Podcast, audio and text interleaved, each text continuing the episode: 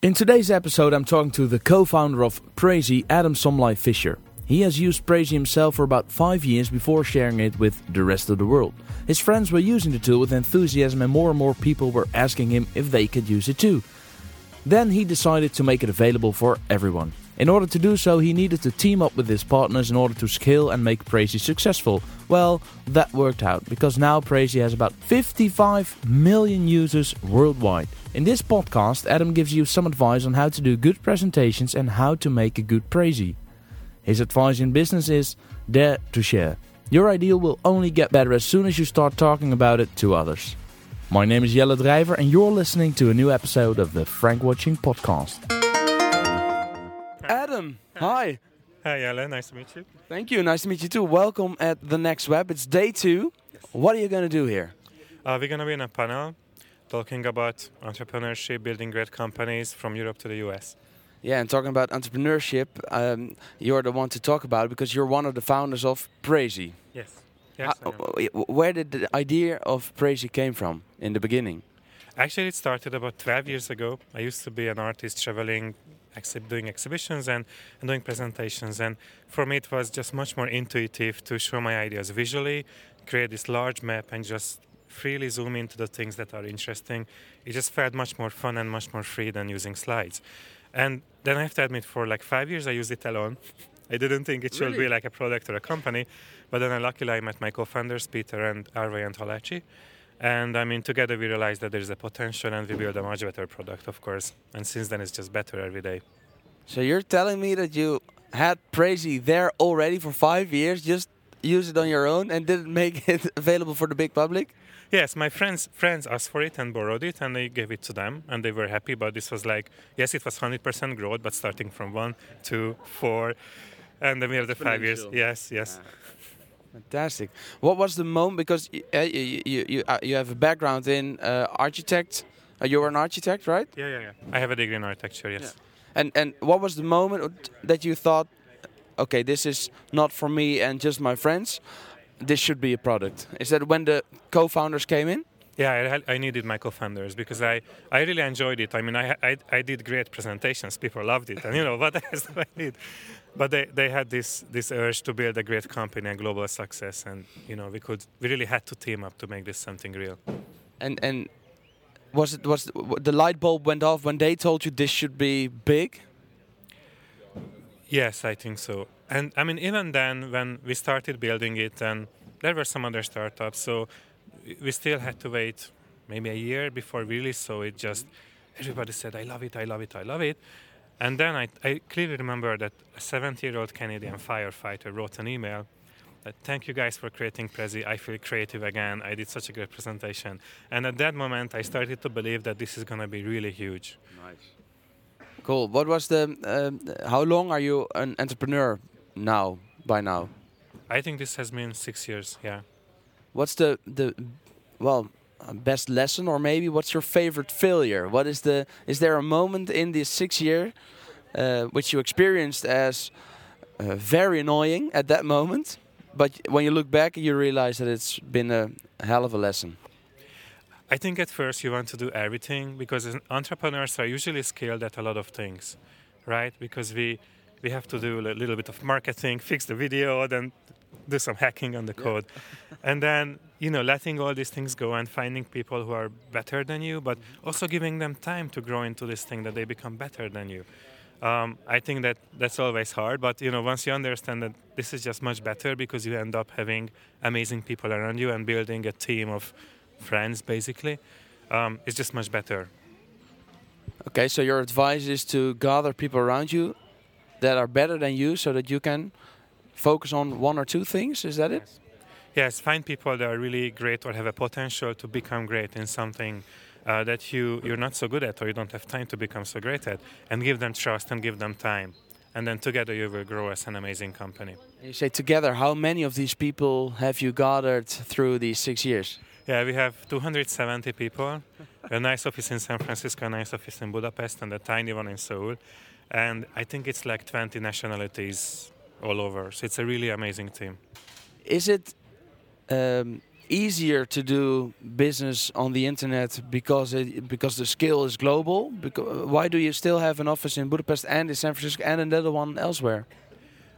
I think to truly understand markets, you have to have people who understand the culture there. So our first first decision to open an office in San Francisco was because we really wanted to win the U.S. market. That's the most important market for us. Um, and you have to be there to understand the nuances, to have the right language. Otherwise, it just feels strange, and you know you don't trust your big presentation on something strange. Um, but we wanted to keep the Budapest office because we love that city. That's our home. So we wanted to have that country as well to to show an example to young kids that you can do a startup too, and that's working. There are a lot of new great startups. And from Seoul, we just manage the whole region there. Uh, you as the, the, the starter, the, the founder of Prezi, I have had people when in college we were using Prezi, and then you have very good Prezis and you have really bad Prezis. You know, like like the Prezis that you have the feeling that you're in a roller coaster or that yeah. you really get seasick after a couple of minutes. So I'm really curious about your three tips on how to make a good Prezi. Well, I think as as with any presentation, it's you also have to have empathy to the audience. Like, of course, you have a vision, you have a goal, you want something to achieve, you want them to change what they think about or what they're gonna do, right? Because you're gonna spend 20 minutes of their time. It's 100 people. It's you know, it's like a month of lifetime of humanity. So it's a lot about thinking about them as well. At the same time, because it's gonna be you on stage and you're gonna be feel like very uncomfortable, all that frankly, when I use Prezi, I just enjoy it. I have fun. I play around. I create these landscapes of ideas, and and this this really triggers better ideas in me, better narratives, how to tell the story, how to make it clearer, sharper, all that. So there is like a little bit of playfulness there. If you overdo it, that you're gonna get the roller coaster. Yeah. there is the empathy that you really have to understand your audience. If you overdo that, then you're gonna be just like stressed, like I don't know what they want to hear. And then you have to blend the two to have respect for them and kind of see the whole thing from an outside perspective, clean up your thing a bit, but keep the playfulness because then you're gonna be really authentic and original and creative on stage. Okay, and that's that's the, the total presentation. And if you look in depth in the in the Prezi in the dashboard, are there three tips that I, I can imagine? Okay, don't don't zoom in and out too yeah, much yeah, or, or anything like that. Are there three tips for Prezi users? Yeah, I can. Yeah, so very very simply, inside once you're inside the tool, I think you can start by just throwing in the ideas or the possible ideas, a little bit like mind mapping or on a whiteboard. Then delete the ones that don't make sense, you know. Yeah. Then the next step is to find a visual structure that makes it memorable. The whole point of Prezi is that because you can put your ideas on a map, it will be meaningful for people. They will understand that all these things that you talked about when things started are on the left corner, yeah. then the success is on the right top corner. Sorry. Yeah, no and you know, these movements, you know, if done with logic, if done well, they really add to the story. They will help them remember um, everything you said just much better. So, you know, once you have the ideas and once you know what you're going to talk about, just create a really simple structure.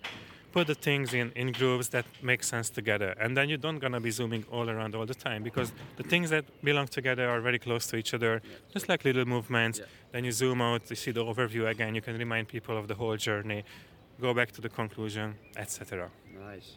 Okay. Where are you standing in five years from now? Any idea? Will you still be um, one of the owners? Will you still be? I mean, I, I sincerely love it and really enjoy it. Have enjoyed it so far. It's just really great to see how we can help people to be better at visually communicating.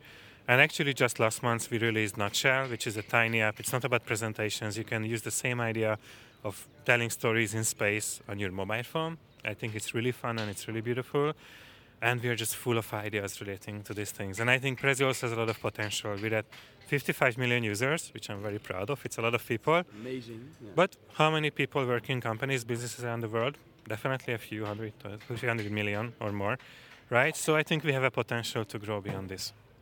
Any new features or any new things that you can reveal here for us? Um,